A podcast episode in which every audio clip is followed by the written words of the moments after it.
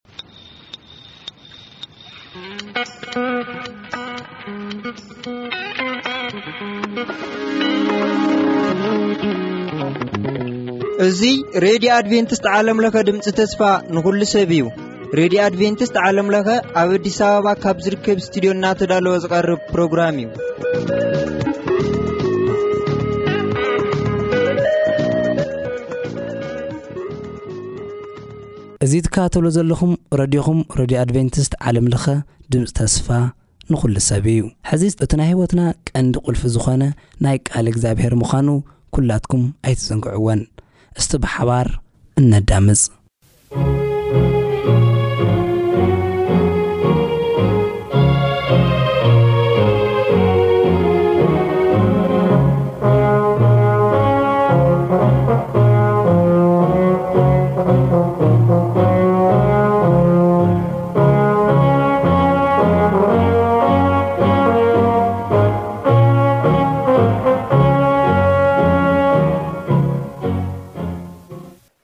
ሰላም ኣብ በቦትኡ ኮንኩም መደባትና እናተኸታተልኩም ዘለኹም ክቡራት ተኸታተልቲ መደብና ኣብ ናይ ሎሚ ናይ ቃል ግዜና ድማ በቲ ሒዝናዮ ዘለና ኣርእስቲ ኣብ ናይ ሳኦል ምሟት ኢና ክንቅጽል ማለት እዩ ኣብ ዝሓለፈ ክልተ ክፍለ ግዜያትና ሳኦል ንእግዚኣብሄር ብዘይምእዛዙ ንእግዚኣብሄር ቃል ብዘይምስምዑ ንዕኡን ንደቁን ከምኡውን ነታ ዝነበራ ዓድን ሽም ኣምላኽን እውን ከም ዘጽረፈ ኢና ርኢና ነርና ሎሚ ድማ ናብቲ ቀጻሊ ክፋል ክንኣቱ ኢና ሎሚ ሳኦል ናብ ጥንቁልና ከም ዝኸደ እዚ ናይ ጥንቁልና ስራሕ ምስዚ ናይ ሎሚ ዘበን ዘሎ ኣሰራርሓ እንታይ ከም ዝኾነ ኢና ክንርእዮ ማለት እዩ። ቅድሚ ኩሉ ግን ሕጽር ዝበለ ጸሎት ክንጽሊ ኢና ንጸሊ። እግዚኣብሔር ኣምላኽና ስለዚ ግዜን ሰዓትን ነመስግነካ ኣለና። ሕጂ ድማ ቃልካ ከፊትና ኣብ ነጽናዓሉ እዋን ንስኻ ምሳና ክትከውንን ክትመርሓናን ከተምህረናን ልምን ኦ ጎይታ ኣብ ዝተፈላለየ ቦታታት ኮይኖም ሬድዮታትና ዝከታተሉ ኣሕዋትን ኣሓትን እውን ንስኻ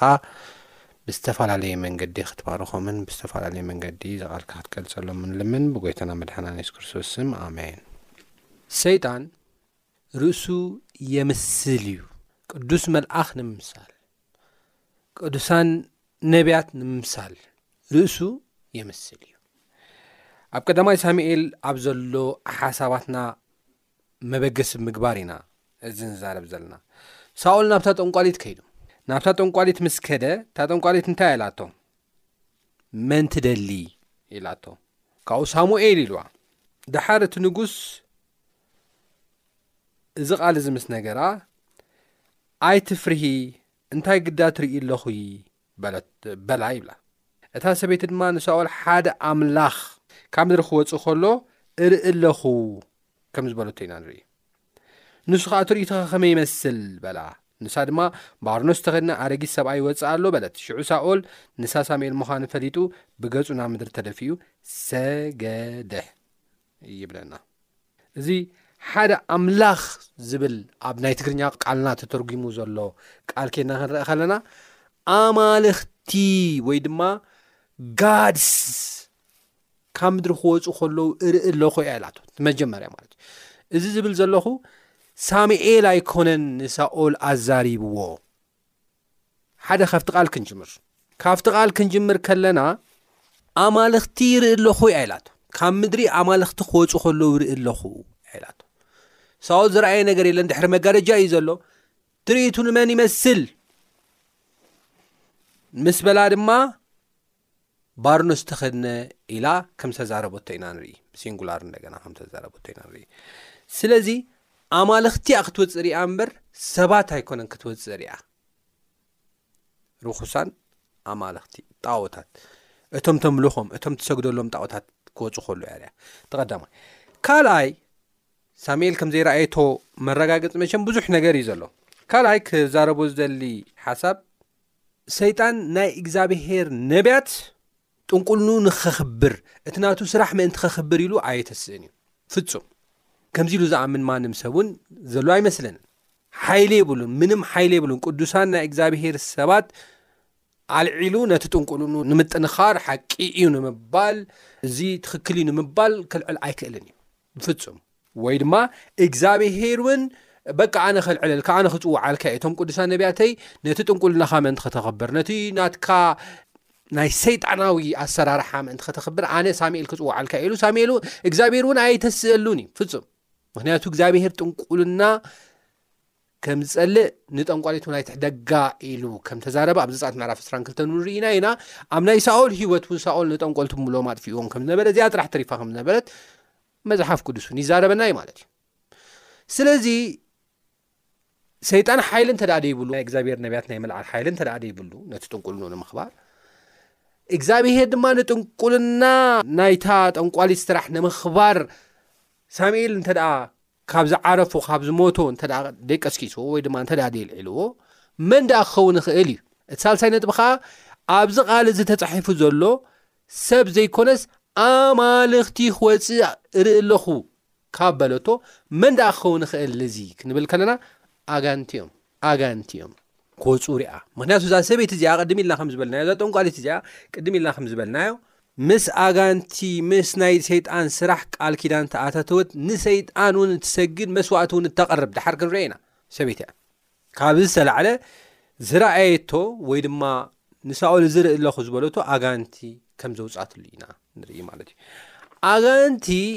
እንተ ደኣ ኮይኖም ከመይ ገይሮም እዚ ከምዚ ዓይነት ኮሚኒኬሽን ወይ ድማ ምስ ሳኦል ከመይ ገይሮም ይዘራረቡ መፅሓፍ ቅዱስ ኣብ ካልኣይ ቆሮንቶስ ምዕራፍ 1ሓ ሰይጣን ርእሱ ከም ዘምስል ነጊርና እዩ ከም ዘምስል መልኣኽ ብርሃን ከም ዘምስል ነጊርና እዩ እስከ ነንብቦ ካልኣይ ቆሮንጦስ ምዕራፍ ዓሰርተ ሓደ ፍቕዲ ዓሰርተ ኣርባዕተ ከምዚ ይብል ሰይጣን እኳ ንርእሱ ንመልኣኽ ብርሃን የምስል እዩ እሞ እዚ ኣየገርምን እዩ ይብለና ንመልኣኽ ብርሃን ኣምሲሉ ምርኣዩ እንደገና ንሰብ ምስሓቱ ኣየገርምን እዩ እዩ ዝብለና ስለዚ ኣብዚ እውን ንሳሙኤል ርእሱ ኣምሲሉ ምቕራቡ ባርኖስ ከም እተኸድነ ሰብኣይ መሲሉ እቲ ቓል ድማ እቲ ዝተዘርበ ቓላት ብምሉኡ ተጠቂሙ ምዝራቡ ብምሉኡ እዚ ምግባሩ ኣየገርምን እዩ ይብለና ጳውሎስ ንመልኣኽ ብርሃን እውን የምስል እዩ ንርእሱ ንኸስሕት ሰባት የምስል እዩ ስለዚ ካብ ናይ ሰይጣን ስሕተት ከመይ ጌርና ዳ ኢና ክንሕሎ ንኽእል እንተ ኢልና ናብ እግዚኣብሔር ብምምፃእን ቃል እግዚኣብሔር ብምንባብን ጥራሕ እዩ መፅሓፍ ቅዱስ እግዚኣብሔር ንሳኦል ብሕልሚ ኮነ ብኡሪም ብነቢያት ኮነ ብዝተፈላለየ መንገዲ ኣይመለሰሉን ይብለና ሳኦል ንእግዚኣብሄር ኣብ ክንዲ ሃዲኡ ብምጽባይ ናብ ጠንቋሊት ብምዃዳውን እግዚኣብሄር ከም ዝቐዘፉውን ኣብ ቀዳማይ ዜና መዋእል ምዕራፍ ዓሰርተ ፍቕዲ ዓሰርተ ሰለስተ ክሳብ ዓሰርተ ኣርባዕተ ይዛረበና እዩ ብኻልእ ኣባህላ ኢድ እግዚኣብሄር እውን ኣብቲ ናይ ጥንቁልና ስራሕ ከም ዘይነበረ ይዛረበና እዩ እስኪ ቀዳማይ ዜና ምዕራፍ ዓሰርተ ፍቕዲ ዓሰርተ ኣርባዕተ ዘሎ ሓሳብ ነንብብ። ቀዳማይ ዜና ምዕራፍ ዓሰርተ ፍቕዲ ዓሰርተ ሰለስተ ክሳብ ዓሰርተ ኣርባዕተ ሳኦል ከኣ ንቓል እግዚኣብሄር ብዘይምሕላዉን ነታ ጠንቋሊት ብምኽሪ ብምጥያቑን ንእግዚኣብሄር ብዝበደሎ በደል ሞተ። እዚ ዓይነት በደል እዩ ንኽመውት ምስ ደቁ ምስ ጋሻ ዘግርዩ ክመውት ክኢሉ። ስለዚ እግዚኣብሄር በቲ ጥንቁልና ኣሽንኳይ ንሳሙኤል ከተሰኣሉ ይትረፍ እሞ በቲ ናብ ጥንቁልና ምዃዱ ከም ዝሓዘንን ንእግዚኣብሄር ከም ዝበደሎን በዚ በደል እዚ ከዓ ከም ተቐዝፈን ከም ዝሞተን ኢና ንርኢ ሓያል ዝኾነ ውርደት ከም ዝመፀ ኢና ንርኢ ማለት እዩ ኣብ እስራኤል ስለዚ ሰይጣን ንርእሱ የምስል እዩ ብዙሓት ሎሚ ስፕሪትዋሊዝም ዝበሃል እዚ ምስ ጥንቁልና ምትሓዝ ዘለዎ ነገር ብምልኡ ንብዙሓት ሰብ ከስሕት ከሎ ብዙሓት ሰብ ናብኡ ኢንቮልቭ ክገብሩ ከሎ ኢና ንርኢ ዝሓሸ ነገር ኣሎ ኣብኡ ዝሓሸ ነገር ዝበለፀ ነገር ኣሎ ኣብኡ ኢሎም ናብኡ ክኸዱ ከሉ ኢና ንርኢ ናብዚ ናይ ጥንቁልና ስራሕ ሞደርን ስፕሪትዋሊዝም እንብሎ ዴሞክራሲ እንብሎ ናብዚ ዓይነት ሰባት ክኸዱ ከሉ ኢና ንርኢ ግን ናብ ናይ ሰይጣን ኣሰራርሓ ብምኻድ ዝሓሸ ዘይኮነ ዘሎስ ዝኸፍአ እዩ ዘሎ ሳኦል መጀመርያ ጨኒቕዎ እዩ ነይሩ ፈሪሒ እዩ ነይሩ እግዚኣብሔር ኣይመለሰሉን ኣብ ክንዲ ሃዲኡ ንእግዚኣብሔር ምፅባይ ኣብ ክንዲ ንስሓ ምእታው ልክዕ ከም ዮሳፈጥ ናብ መን ከይዱ ናብዛ ጠንቋሊት ከይዱ ናብተ ጠንቋሊት ምኻዱ ግን እንታይ ኣጋጢሞ ክንብል ከልና ኣብኡ ኣብ ዝሓለፉን ኣንቢበ ፌንት እዩ ኮይኑ ወዲቑ እዩ ዝነበሮ ንእሽተይ ተስፋውን ሙሉእ ብምሉእ እዩ ጸልሚቱ ተስፋ ዝቆረፀ ልቢ ሒዙ ከዓ ኣብ ጊልቡዓ ምስ ኣተወ ምስ ደቁ እውን እዩ ጠፍኡ ምስ ካዣ ዛግሪኡ እውን እዩ ጠፍኡ ነታ ሃገር ነታ እስራኤል ትበሃል ሃገር እውን እዩ ንውርደት ኮይኑ ሰይጣን ይብል ኣብ ዮሃንስ ወንጌል ምዕራፍ ዓሰርተ ፍቕዲ ዓሰርተ ኣርባዕተ ኸይድና ንሪኢ ኣለዋ ሰይጣን እንትርፉ ንኽሰርቕ ንኽሓርድ ንኸፅንት ተደይ ኮይኑ ንኻልእ ኣይመፅእን እዩ ይብል እግዚኣብሔር ኣምላኽና ስለዚ ሰይጣን ዝመፀ ንኸጥፊ እዩ እርግፅ ድማ ንሳኦል ኣጥፍዎ እዩ ሎሚ እውን ዝሓሸ ኣብ ጥንቁልና ኣሎ ዝሓሸ ኣብ ከምዚ ዓይነት ናይ መተት ናይ ድብተራ ስራሕ ኣሎ ኢልኩም ናኡ እትኸዱ ሰባት ናይ እግዚኣብሔር ፍቓድ ኣይኮነን ኣኡ ጥፍኣት እምበር ዝሓሸ ነገር የለን ክብል ፈቱ ናይ መጀመርያ ሓሳብና እዚ እዩ ኢሳያስ ምዕራፍ 8 ፍቕሪ 19 ካብ ዝገርምን ሓደ ካብ ዝደንቕን ሓሳብ ኣሎ እንታይ እቲ ኣብ ኢሳያስ ምዕራፍ 8 ፍቕሪ 19 ንረኽቦ ከምዚ ይንበብ ኢሳያስ ምዕራፍ 8 ፍቕሪ 19 ብጣዕሚ ዝገርም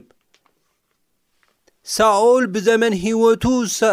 ሳሙኤል ዝበሎ ነገር ደይሰምዐ ሕጂ ምስ ሞተ ናይ ሳሙኤል ቃል ከም ዝደለየና ንርኢ ማለት እዩ ሳሙኤል ግን ብህይወት ከሎ ብዙሕ ነገር መኺርዎ ነይሩ እዩ ናብ እግዚኣብሔር ክምለስ መኺርዎ ነይሩ መኺርዎ ጥራሕ ዘይኮነ ጸልዩሉ እውን እዩ እግዚኣብሔር ምሕረት ክገብረሉ ብዙሕ ነገር ጸልዩሉ እዩ ዝማልደሉ ሰብ እዩ ነይሩ። ነገር ግን ሳኦል ዝሰምዕ ሰብ ዝእዝዝ ሰብ ኣይነበረን። ምናልባት እኳ ሙሉእ ብምሉእ ታሪክ ሳኦል ዝነበሮ ኩሉ እኳ ተደይተፃሓፈ ኣትሊስት ግን ኣብ ቀዳማይ ሰሜል ምዕራፍ 13 ናብ ቀዳማይ ሰሜል ምዕራፍ 15 ግን ክሳብ ክንደይ ሳኦል ተሪር ልቢ ከም ዝነበሮ ዘይእዘዝ ልቢ ከም ዝነበሮ ግን ካብዚ ንርድኦ ሓቂ እዩ ማለት እዩ ናይ ሳኦል ሂወት ከመይ ከም ዝነበረ ንሪኦ ሓቂ እዩ ብዝኾነ ግን ሳኦል ምስ ሞተ ንምውታት ነቲ ዝሞተ ሳሙኤል ክደሊ ምዃዱ እዚ ካብ መጽሓፍ ቅዱስ ወፃኢ እዩ ሎሚ ብዙሓት ናብቲ ዝሞተ ይኸዱ እዮም ግን መጽሓፍ ቅዱስ እንታይ እዩ ዝብለና ኣብ ኢሳያስ ምዕራፍ 8 ፍቕዲ 19 ነቶም ብሕሽኽሽኽን ብሰላሕላሕን ዝዛረቡ ጠንቆልትን ኣስመታኛታትን ጠይቑ እንተበልኹም ንስኻትኩም ከዓ ህዝቢ ዶ ንኣምላኽ ኣይሓትትን ብዛዕባ ህያዋንሲ ንሙታዶ ይሕተት እዩ ኢልኩም መልሱሎም ይብለና ብዛዕባ ህያዋንሲ ንሙታዶ ይሕተት እዩ ብዛዕባ እቲ ተኸቢብ ብፍልስጠማውያን ተኸቢቡ ዘሎ ኣብ ጊልቦዓ ሰፊሩ ዘሎ ህዝቢ እስራኤል ሲ ነቲ ዝሞተ ሳሙኤል ዶ ይሕተት እዩ ኣይሕተትን እዩ ፍጹም ኣይሕተትን እዩ ዝብለና ዘሎ መጽሓፍ ቅዱስ። እንዲያም ክንታይ ይብል ናብ ሕግን ናብ ምስክርን ከምዚ ዝመሰለ ቃል እንተዘይተናገሩ ብሓቂ ዋጋ ሕታ የብሎምን እዩ ዝብለና። ሰባት ግን ናብኡ ክሓቱ ከሎ ኢና ንርኢ። ብናይ ጣዖት ኣምልኾ ግዜ ዝነበረ ቅድሚ ምርኣይ ኣብ ሓደ ሓሳብ ኣብ ዘሁሉቅ ምዕራፍ 25 ከንብብ ይደሊ። ዘሁሉቅ ምዕራፍ 25 ቅድሚ ምንባበይ እቲ ሓሳብ ክነግረኩም ይደሊ። ባላቅ ን በልዓም ነቲ ካብ ዓወት ናብ ዓወት እናተሳገረ ዝመጽእ ዝነበረ ህዝቢ እስራኤል ብምርኣይ ኣዝዩ ፈርሀ ይብለና። ምኽንያቱ ህዝቢ እስራኤል ንከነኣን ንኽወርሱ እታ ዘላቶም ዓወት ንኽጓናጸፉ ናይ መወዳእታ ምድላዋት ይገብሩ ስለ ዝነበሩ ጠንካራ ሰራዊት ስለ ዝነበሩ ሰፊሖም ውን ስለ ዝነበሩ በዚ መልክዕ እዚ ባላቅ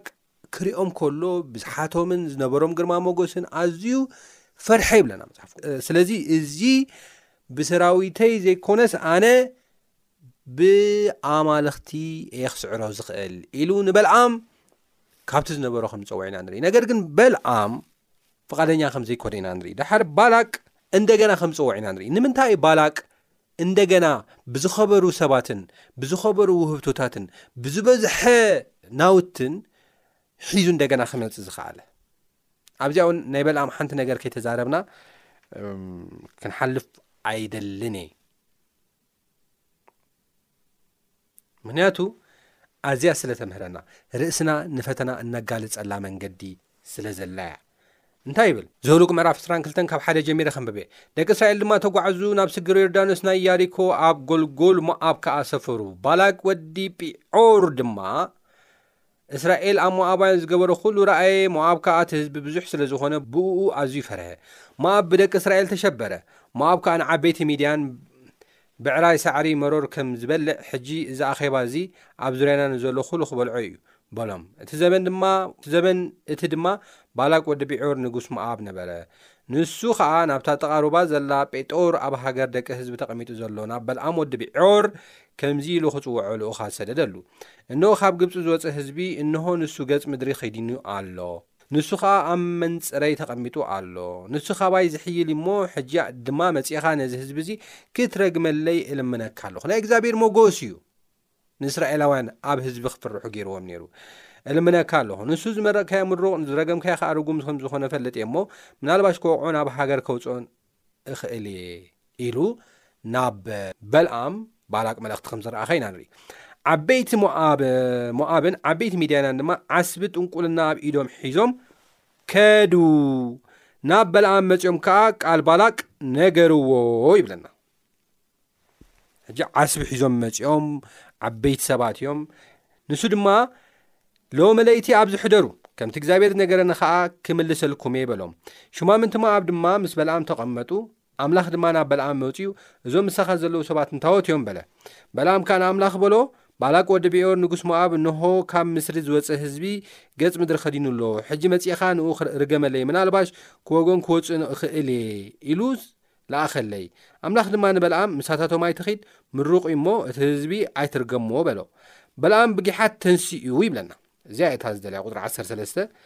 በልኣም ድማ ብንግሆ ተሲኡ ንሹማምንቲ ባላቅ እግዚኣብሔር ምሳኻትኩም ከይከይድ ከልኪልኒ እዩሞ ንሃገርኩም ኪዱ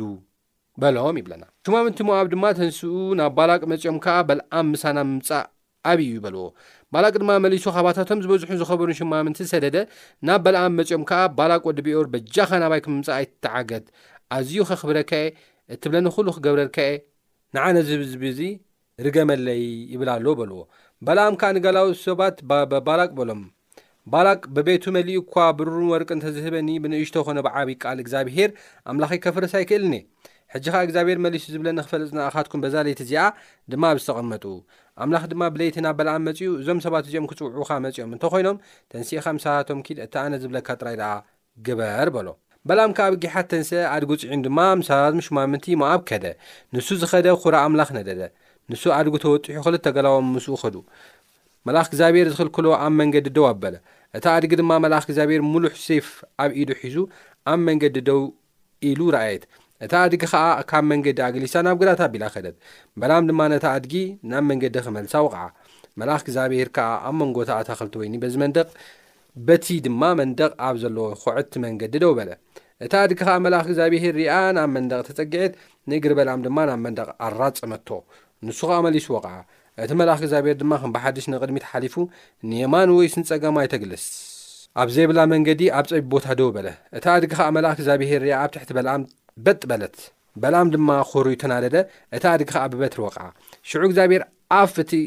ኣድጊ ከፈተ፣ ንሳ ድማ ንበለዓም፣ እዚ ሰለስተ ሳዕ ዝወቓዕኻኒ እንታይ ገይርካ እየ? በለቶ። በለዓም ከኣ ነታ ኣድጊ፣ ስለ ዘላገጽክለይ፣ ሴፍ ኣብ ኢደይ እንተ ዝህልወንስ፣ ሕጂ እኳ ምቐተልኩኺ፣ በላ። እታ ኣድጊ ድማ ንበለዓም፣ ኣነ ኽሳዕ እዛ መዓልቲ እዚኣ ነዊሕ ዘበንካ እተወጣሕካ ንኣድግኻ ዶ ኣይኰንኩን ከምዚ ኽገብረካ ልማድ ነይሩኒ? በለቶ። ንሱ ኸኣ፣ ኣይፋልክን! በለ። ሽዑ እግዚኣብሄር ኣዒንቲ በልዓም ከፈተ እሞ፣ መልኣኽ እግዚኣብሄር ኣብ መንገዲ ደው ኢሉ ረኣየ።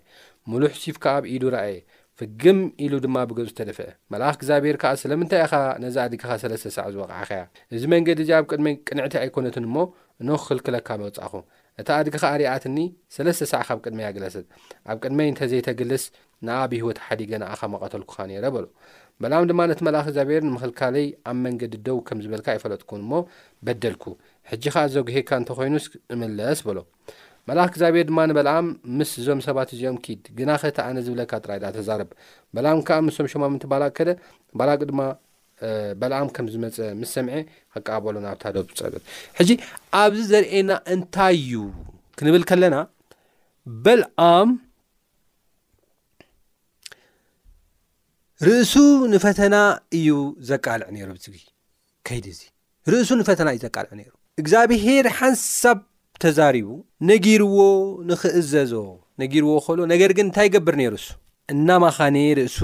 ንፈተና የጋለፅ ከም ዝነበረ ኢና ንርኢ እዚ ፈተና ምግላፁ ዳሓር ብ ሓደጋ ውዲቑ እዩ ዳሓር ብ ሓደጋ ውዲቑ እዩ ኣብዘሉ መራፍ ሰላሳን ሓደን ከድና ንሪኢ ኣለዋን ዳሓር ብስሕለት ሰይፉ ሞይት እዩ ሙማቱ ጥራሕ ዘይኮነ በልኣም ክሳዕ ሕጂ ክሳዕ እዛ ዘመን እዚኣ እውን ሕማቕ ሽም ንክህልዎ ገይሩ እዩ መመሰሊ ሕማቕ መመሰሊ ኮይኑ እዩ ብዝኾነ በልኣም ከይዱ ክረግም ንእስራኤላውያን ከይዱ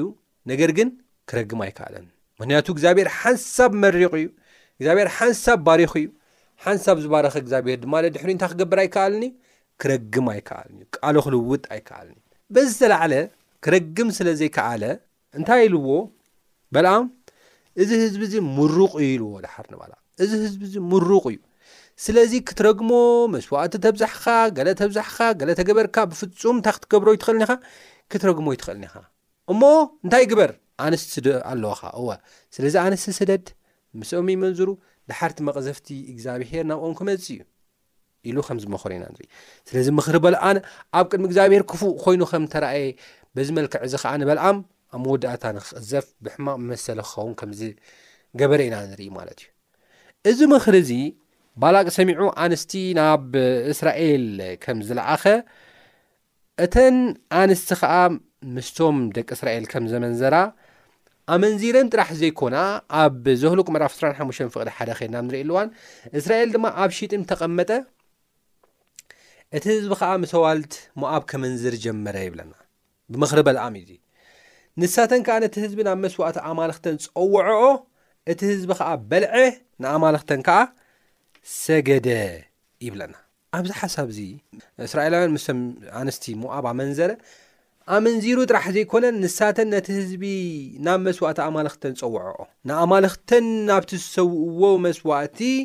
ጸውዐኦም እቲ ህዝቢ ከዓ በልዐ ንኣማልኽተን ድማ ሰገደ ይብለና ንኣማልኽቲ ተሰውአ ንጣዖት ተሰውአ ምግቢ ከም ዝበልዐ ኢና ንርኢ ንኣማልኽተን ተሰውአ ጥራሕ ኣይኮነን በሊዑ ነተን ኣማልኽተን ነቶም ጣዖታት እውን ከም ዝሰገዱሎም፣ ጣኦታት ሞኣብ እውን ከም ዝሰገደ እስራኤላውያን ኢና ንርኢ። በዚ መልክዕ እዚ ልዕሊ ዕስራ ሽሕ ሰባት መቕዘፍቲ ኣብ እስራኤል ሓያል መቕዘፍቲ ኣብ እስራኤል ከም ዝኾነ ኢና ንርኢ። ግን ኣነ ሕጂ ዝደልዮ እዚ ጥቕሲ እዚ ኣብ መዝሙር ምዕራፍ 106 ክሳ- ካብ 20 ሸሞንተን ክሳብ ዕስራን ትሽዓተን ዘሎ ሓሳብ ብደንቢ ይገልጾ እዩ እሞ ናብኡ ምልስ ክብል ይደሊ ኣብኡ ዘሎ መግለጺ ክርኢ እሞ መልሸ ክምለስ እየ መዝሙር ዳዊት ምዕራፍ 1ሽዱሽተን ፍቕዲ ዕስራን ሸሞንተን ምስ በዓል ጲኦር ሓበሩ መስዋእቲ ሙታት እውን በልዑ ይብለና መን እስራኤላውያን መስዋእቲ ሙታት ከኣ በልዑ ይብለና እስራኤላውያን መሰንስቲ ሞኣባውያን ኣመንዚሮም ንኣማልኽቲ ዝተሰወአ መስዋእቲ በልዑ ዝብል መዝሙር ዳዊት ምዕራፍ 16 ቁጥሪ 28 ኬና ንሪኦ ኣለዋን መስዋእቲ ሙታት በልዑ እንታይ እዩ ዘረዳእና እዚ ኣብ ሞኣብ ሰባት ክመቱ ከለዉ ዲፋይ ይኾኑ ነይሮም ዲፋይ ማለት እንታይ ማለት እዩ ንኣማልኽቲ ገይሮም እዮም ዝቆፅርዎም ነይሮም ኣማልኽቲ ገይሮም ይቆፅርዎም መስዋእቲ ይስውእሎም በይቲ ዝኾኑ ቤተ መቅደስ ን ብሽሞም ይሰርሕሎም መጨረሻ ድማ ይሰጉድሎም ምክንያቱ ናብ መስዋእቲ ኣማልኽቶም ኣማልኽቲ ተባሂሎም እዮም ተፀዊዖም ዘለዉ ኣብ ዘህሉቁ ምዕራፍ 25 ኬና ንሪኢ ኣለዋን ኣማልኽቲ ተባሂሎም እዮም ተፀዊዖም ዘለዉ እዞም ሙዉታት ኣማልኽቲ ተባሂሎም ተጸዊዖም ጥራሕ ዘይኮነሲ እንደገና ክስገደሎም ከሎ እስራኤላውያን እውን ነቶም ሙታት ክሰግዱ ከለዉ ሙታት ሞኣባውያን ክሰግዱ ከለዉ ኢና ንርኢ ምክንያቱ ሞኣብ ንሙታን ሓደ መስዋእቲ የቕርብሎም ከም ዝነበሩ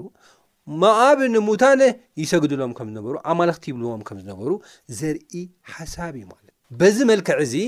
ንሙታት እስራኤላውያን ከም ዝሰገዱ ኢና ንርኢ ኢንፋክት እታ ኣብ ቀዳማይ ሳሙኤል ምዕራፍ ዕስራን ሸሞንተን ዝነበረት ጠንቋሊት ውን ወይ ድማ ናይ ጥንቁልና ስራሕ ውን ንሙታት ምትስሳእ እዩ ነይሩ ብኻልእ ኣባህላ ናይ ጥንቁልና ስራሕ እኮ ምስ ሙታት ምርኻብ እዩ ትኻልእ ካልእ ምንም ምስጢር የብሉን እሞ ሎሚ ውን ኣብ ዘመንና ንሙታት ሰባት እንታይ ክገብሩ ከለዉ ኢና ንርኢ? መስዋእቲ ከቕርቡ ከለዉ ኢና ንርኢ። ሓደ ሓደ ግዜ ብክርስትና ዝብል ሽም ወይ ድማ መጠቕለሊ ወይ ድማ መጸውዒ ገይሮም ንሙታት መስዋእቲ ከቕርቡ ከለዉ፣ ንሙታት ክሰግዱ ከለዉ፣ ንሙታት ዓበይቲ ዝኾነ ቤተ መቕደሳት ክሰርሕሎም ከለዉ ሎሚ እውን ንርኢ ኣለና ኢና። ክጅመር ከሎ እዚ ዝመጸ ብመጀመርያ ካብ ጣኦት ኣምልኾ እዩ። ቅድሚ ጣኦት ኣምልኾ ከኣ እዚ መጀመርያ ኦርጅኔት ዝገበሮ ወይ ድማ ዝፈጠሮ ሰይጣን ባዕሉ እዩ። ኣብ ዘፍጥረት ምዕራፍ 3 ፍቅዲ 4 ክሳብ 5 ከይና ኣብ ንርእየሉ እዋን ንሄዋን እንታይ ኢልዋ? ካብዛ ፍረ እዚኣ ምስ እትበልዑ ዓይንኹም ከም ዝኽፈታ ዓይንኹም ከም ዝኽፈታ ከም ኣምላኽ ድማ ከም እትኾኑ ስለ ዝፈለጠ እዩ እምበር ሞቱስ ኣይትሞቱን ኢኹም ኢልዋ። መጽሓፍ ቅዱስ ግን እንታይ እዩ ዝብል ኣብ ሮሜ ምዕራፍ 6 ፍቅዲ 23 ከድና ንሪእሉ እዋን ዓስቢ ሓጢኣት ሞት እዩ ሞት ማለት ድማ ዘይምንባር ማለት እዩ ስለዚ ሞት ክትሞቱ ኢኹም እዩ ኣብ ዘፍጥረት ምዕራፍ ሰለስተ እውን መዓልቲ ሞት ክትሞቱ ኢኹም ኢልዋ ንሄዋን እግዚኣብሔር ክዛረባ ከሎ ሰይጣን ግን እንታይ ኢልዋ ሓጢኣት ወላ ተስራሕኹምሲ ኣይትሞቱን ኢኹም ዓይንኹም ክፈታየን ኣይትሞቱን ኢኹም ዝብል ዶክትሪን ከምዘእትወ ኢና ንርኢ ሕጂ እዚ ፓራፍሬዝ ናኾነ ናተጠቕለለ ናብ ትምህርቲ ናእተወ ሰብ ወላ ተሞተስ ኣይሞተን ነፍሱ ከይዳ እያ ንዘልኣለም እዩ ዝነብር ዘሎ ተፈልዩ እዩ እምበር ኣይሞተን ዝብል ትምህርቲ ክጋዋሕ ከሎ ኢና ንርኢ ካብ ዘመን ናብ ዘመን እናሓለፈ ሞኣባውያን ከምኡ እውን ኣብኡ ዝነበሩ ኣህዛብ ግብፃውያን ወሲኽካ ሙታን ሰብ ምስ ሞተ ኣማልኽቲ ናይ ምግባር፣ ሰብ ምስ ሞተ እንደገና መስዋእቲ ናይ ምቕራብ፣ ሰብ ምስ ሞተ እንደገና ናይ ምስጋድ፣ ሰብ ምስ ሞተ እንደገና ዓበይቲ ቤተ መቕደሳት ምስራሕ ባህልን ትምህርትን ሰይጣን ከም ዘቐበሎም ኢና ንርኢ። ስለዚ ሰይጣናዊ ትምህርቲ እዩ፣ ካብ ኣህዛብ ካብ ጣዖት ኣምልኾ ዝመጸ ትምህርቲ እዩ፣ ንሱ ጥራሕ ዘይኮነ እግዚኣብሄር እውን ዘይከብረሉ ትምህርቲ እዩ። ምናልባት ኣብ ቀጻሊ እውን ንሪኦ ኢና ብጣዕሚ መቕዘፍቲ ዘምጽእ ትምህርቲ ከም ዝኾነ እዩ ዝዛረበና እዚ ትምህርቲ እዚ ማለት እዩ ብጣዕሚ ብጣዕሚ ዝጎድእ ትምህርቲ ከም ዝኾነ ኢና ንርኢ ስለዚ ሎሚ እውን ኣሎ እዩ እዚ ትምህርቲ እዚ እዚ ትምህርቲ እዚ ግን ሎሚ ሰይጣናዊ እዩ ሰይጣናዊ ናብ ዝኾነ ቦታ እዩ ኮይኑ ኢንፋክት ኣብ ዝቕፅል ሰዓትና ሕጂ ስለ ዝድርተና ኣብ ዝቕፅል ብደንቢ ጌርና ኣስፊሕና ከዓ እንደገና ደጊምና እዚ ሓሳብ እዚ ብደንቢ ክንረአና ግን ሕጂ ውን ንሙታት መስዋእቲ ምግባር ንሙታት ምስጋድ ከም እስራኤላውያን ንሞኣባውያን ሞኣባውያን ንእስራኤላውያን ከም ዝገበሩ ኣማልኽቲ ምግባር ኣማልኽቲኦም ኢልካ ምሕሳብ ቤተ መቕደስ ምስራሕ ብሽሞም ዝተፈላለየ ነገር ምግባር እዚ ሰይጣናውን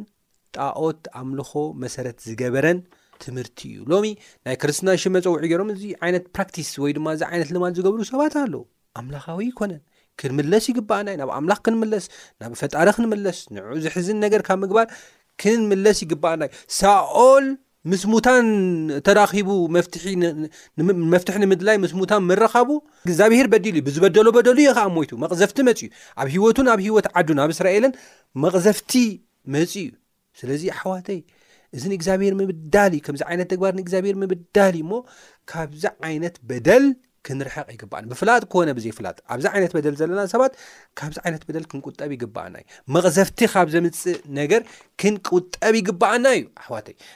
ኣብ ዘለዋን መራፍ 2ስራ ፍቅዲ 6ዱሽ ዘሎ ሓሳብ ኣንቢበ ክውድእ ይደሊ ዘለዋን መራፍ 2ስራ ፍቅዲ 6ዱሽ ዘሎ ሓሳብ እንታይ እዩ ዝብል ዘለዋን መራፍ ስራ ፍቅዲ 6ዱሽተ ናብቶም መናፍስቲ ጥንቆላ ዘለዎም